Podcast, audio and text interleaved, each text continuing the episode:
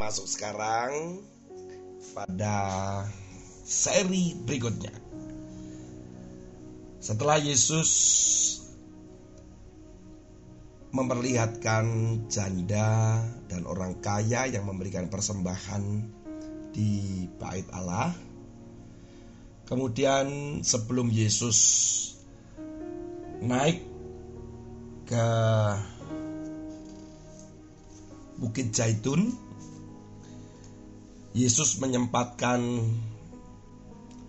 berbicara tentang bait Allah. Dia berkata bahwa di dalam Markus pasal yang ke-13 ayat yang pertama demikian. Ketika Yesus keluar dari bait Allah, seorang muridnya berkata kepadanya, "Guru, lihatlah betapa kokohnya batu-batu itu dan betapa megahnya gedung-gedung itu." Lalu Yesus berkata kepadanya, "Kau lihat gedung-gedung yang hebat ini? Tidak satu pun akan dibiarkan terletak di atas batu yang lain. Semuanya akan diruntuhkan." Saat itu murid-muridnya menunjukkan bangunan bait Allah yang sedang di dalam pembangunan dengan sangat megah. Herodes merenovasi bait Allah sejak 20 tahun 20 sebelum Masehi sampai zaman Yesus bahkan sampai Yesus mati dan Yesus hidup bangkit naik ke sorga bait Allah itu masih dalam proses renovasi karena bait Allah itu baru selesai kurang lebih tahun 64 Masehi jadi memang yang diperlihatkan oleh murid-muridnya sedang berbicara saat itu dengan Yesus dia berkata, "Wih, luar biasa ya gedung ini, bangunan itu." Tapi Yesus mengatakan bangunan itu akan runtuh. Saya tidak akan membahas lebih dalam tentang masalah ini karena saya ada penekanan yang lain. Tapi yang jelas apa yang dikatakan Yesus itu terjadi. Ada beberapa muridnya yang mungkin menyaksikan dari apa yang dikatakan Yesus. Sekitar tahun 70 atau tepatnya 6 tahun setelah bait Allah itu berdiri dengan megah dan selesai, pada tahun 70 Masehi bait Allah gedung yang megah bangunan yang indah itu runtuh oleh tentara Romawi. Jadi dihancurkan luluh lantak rata hanya enam tahun. Ini menunjukkan bahwa apa yang dikatakan Yesus itu adalah benar. Setelah itu, Yesus naik ke Bukit Zaitun. Sama seperti yang dinubuatkan oleh Nabi Zakaria pasal 14 ayat 1 sampai ayat 4. Yesus dari Bukit Zaitun itu dia bisa melihat seluruh kota Yerusalem. Karena menjulang tinggi, dia bisa melihat kota dan melihat bait Allah itu juga. Kemudian Yesus mulai berkhotbah di atas bukit Zaitun itu bersama dengan murid-muridnya dan beberapa orang di situ. Yesus berkhotbah tentang akhir zaman. Khotbah Yesus tentang akhir zaman ditulis di semua kitab Injil. Dari semua itu, saudara, ada yang namanya penderitaan, ada Mesias palsu, kasih yang mulai dingin, siksaan tentang para Mesias palsu, ada perang, ada gempa, ada kelaparan. Kemudian Yesus juga memberikan beberapa perumpamaan tentang gadis bijak bodoh, tentang pohon ara yang sudah dibahas beberapa waktu lalu tentang pemisahan-pemisahan itu. Jadi semua khotbah Yesus itu berbicara tentang akhir zaman. Apa yang terjadi pada akhir zaman. Kalau kita melihat di awal ketika Yesus menubuatkan tentang runtuhnya bait Allah dan itu terjadi. Jadi saudara dan saya juga percaya bahwa apa yang dikatakan Yesus tentang akhir zaman itu juga terjadi.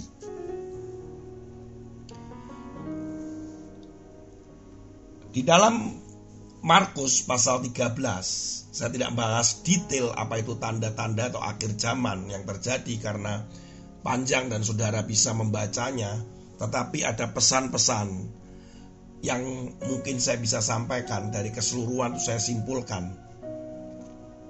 Pada zaman yang akhir ini Apa yang membuat kita itu bisa meninggalkan Yesus maka kita harus waspada, harus berjaga-jaga. Lihat ayat ini.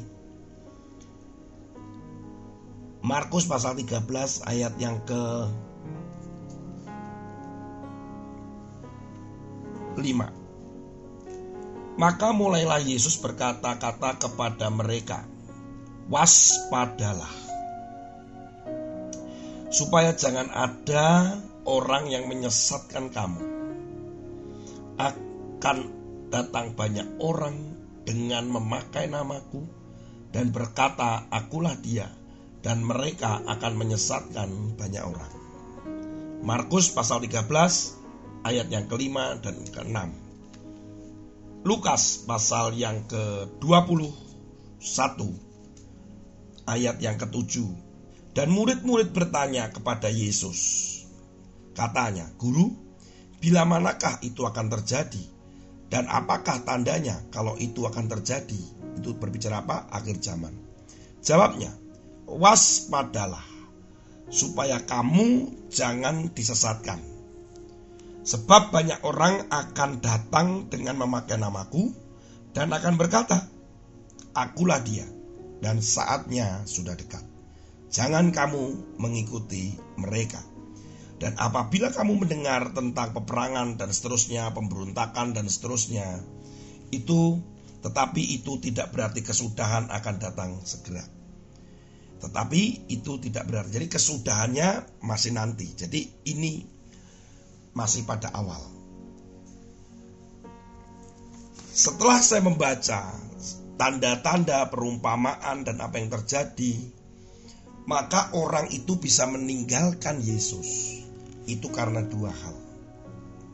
Yang satu, disesatkan.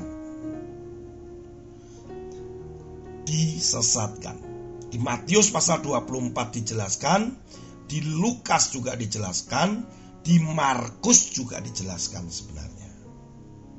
Bahwa ada penyesat. Saudara, ini harus hati-hati betul. Bahwa orang meninggalkan Yesus itu karena disesatkan di akhir zaman ini akan ada begitu banyak ada pengajaran, ada nabi-nabi palsu, ada aliran-aliran tertentu yang mana membuat banyak orang tidak semakin serupa dengan Kristus, tidak menjadi intim dan mengenal Kristus, tidak menjadi dekat kepada Yesus, tidak fokus kepada Yesus, tapi banyak. Fokus kepada mamon, kepada diri sendiri, membangun kerajaan sendiri. Hati-hati, banyak penyesat-penyesat di sekitar kita. Apa yang harus kita lakukan? Tuhan bilang, jangan ikutin mereka. Sehingga ayat itu dikatakan bahwa waspadalah. Bagaimana supaya kita nggak disesatkan? Waspada. Waspada itu dalam bahasa aslinya, dalam bahasa Yunani, sama semua. Kata-kata waspada itu, itu artinya adalah dari kata blepo. Blepo itu adalah kata asli untuk waspada. Ini memiliki banyak arti, banyak sekali. Yang tidak bisa dikatakan hanya sekedar waspada karena blepo ini artinya juga mengamati, bersikap hati-hati, mengingat awas sebuah peringatan. Jadi ini sama dengan kita memperhatikan hidup kita. Kita memperhatikan pengajaran firman. Kita harus hati-hati. Bukan hanya sekedar melihat, bukan sekedar hanya membaca, tapi merenungkan, kemudian mulai berdoa. Roh Kudus biarkan berikan hikmat dan pengertian bertumbuh di dalam komunitas untuk saling belajar bersama. Hati-hati. Penyesatan itu kalau jelas bertentangan mudah untuk dibedakan. Tapi kalau penyesatan yang mirip itu yang susah. Saya dulu punya teman ya waktu SMP mereka kembar ya, mereka kembar dan ternyata kami ini yang sering berkumpul aja itu kadang kami tidak bisa membedakan di antara mereka ya walaupun oh yang di itu ada tai lalatnya oh rambutnya modelnya lain tetapi entah bagaimana tetap kami teman-temannya sulit membedakan sehingga teman saya kembar ini selalu punya kesepakatan dan saya baru tahu ini. Mereka punya kesepakatan begini. Pokoknya siapa saja yang memanggil kamu yang mungkin kebetulan itu adalah temanku, tolong disapa ya. Gitu. Oi, oh ya, gitu aja sudah. Supaya teman-temanku itu tetap menganggap dirimu adalah aku. Gitu-gitu. Jadi mereka punya kesepakatan. Kalau misalkan si A dipanggil oleh temannya si B, maka si A itu harus menjawab. Oh iya. Gitu. Supaya temannya si B itu tetap menerima si A itu dianggap sebagai si B. Gitu. Tampaknya sederhana loh itu. Tetapi sesat. Si A adalah si A, si B adalah si B. Tidak bisa berganti. Kebenaran adalah kebenaran. Tetapi ketika ada kemiripan, maka ini akan menjadi masalah. Karena kita bisa salah. Yang kebenaran kemudian disimpangkan. Oleh karena itu banyaknya banyaklah belajar firman Tuhan. Renungkan firman Tuhan baik-baik. Hati-hati. Semakin saudara baca firman Tuhan, Roh Kudus juga akan mengajari saudara. Iman saudara bertumbuh. Taatlah beribadah. Banyak-banyaklah saudara bertanya kemudian kepada gembala saudara. Kepada orang yang mungkin memiliki pengetahuan, pengalaman, bahkan pendalaman firman yang memang Tuhan berikan kepercayaan kepada mereka. Jadi harus waspada. Jangan sampai disesatkan.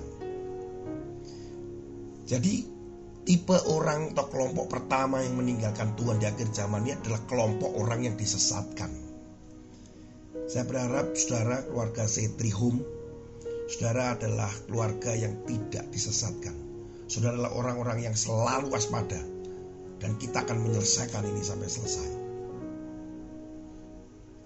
Yang kedua adalah mengapa mereka uh, meninggalkan. Karena mereka tidak kuat dalam penyiksaan. Disebutkan di dalam uh, firman ini kita akan dibenci oleh banyak orang. Bahkan saudara kita bisa menyerahkan kita karena iman dan percaya kita kepada Yesus. Mereka akan membunuh, mereka akan menyerahkan. Kita akan bisa saja disiksa, orang percaya disiksa, dibuang.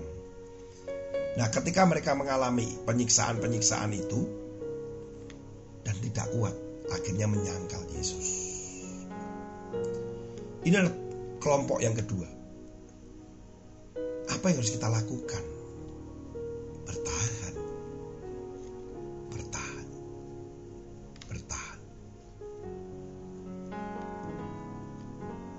Kemarin ada pembicaraan dengan seorang hamba Tuhan. Ditanya begini. Kapan uh, wabah atau pandemi corona ini akan selesai? Pertanyaan yang dilontarkan kepada semua beberapa hamba Tuhan di gereja. Semua diam, seribu bahasa, termasuk saya. Karena jujur saya juga tidak tahu kapan selesai. Tetapi tiba-tiba seorang hamba Tuhan dari Medan, dia berkata, Jangan melihat kapan selesai, karena tidak ada seorang pun tahu kapan selesai. Yang penting bertahan. Saudara, kita tidak tahu bentuk penyiksaannya apa dan seperti apa. Yang penting bertahan. Apa yang membuat seseorang itu bisa bertahan? Harapan. Kita bisa bertahan karena ada harapan.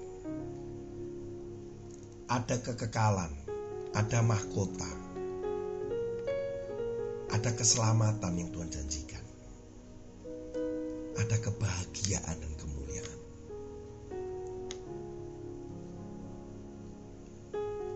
Keluarga Sitri, saudara kekasih di dalam Tuhan, dua hal ini. Ketika kita menghadapi akhir zaman, jangan sampai kita disesatkan. Jangan sampai kita menyangkal Kristus karena penyiksaan. Oleh karena itu, waspada. Perhatikan dirimu, perhatikan pengajaranmu. Ikutilah Yesus dengan segala kebenarannya. Jangan mengikuti manusia, manusia bisa salah. Tapi ikutilah Yesus. Sehingga engkau waspada di situ. Hati-hati, lebih cermat, memperhatikan, awas setiap pengajaran jika nggak tahu bertanya, merenung, berdoa. Ada damai sejahtera nggak? Karena saudara dan saya juga bisa diberi, uh, diberikan karunia roh untuk membedakan roh. Yang kedua, bertahanlah kalau seandainya terjadi penyiksaan, penderitaan. Apa yang membuat kita bertahan? Harapan.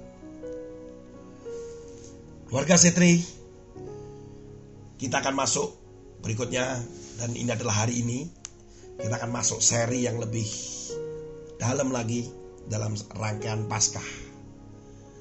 Tuhan Yesus memberkati, tetap semangat. Haleluya. Tetap waspada, tetap bertahan. Haleluya. Amin.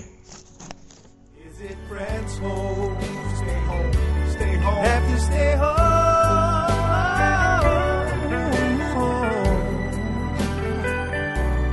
Let's show some love and flatten the curve by staying at home. Save a life, stay at home.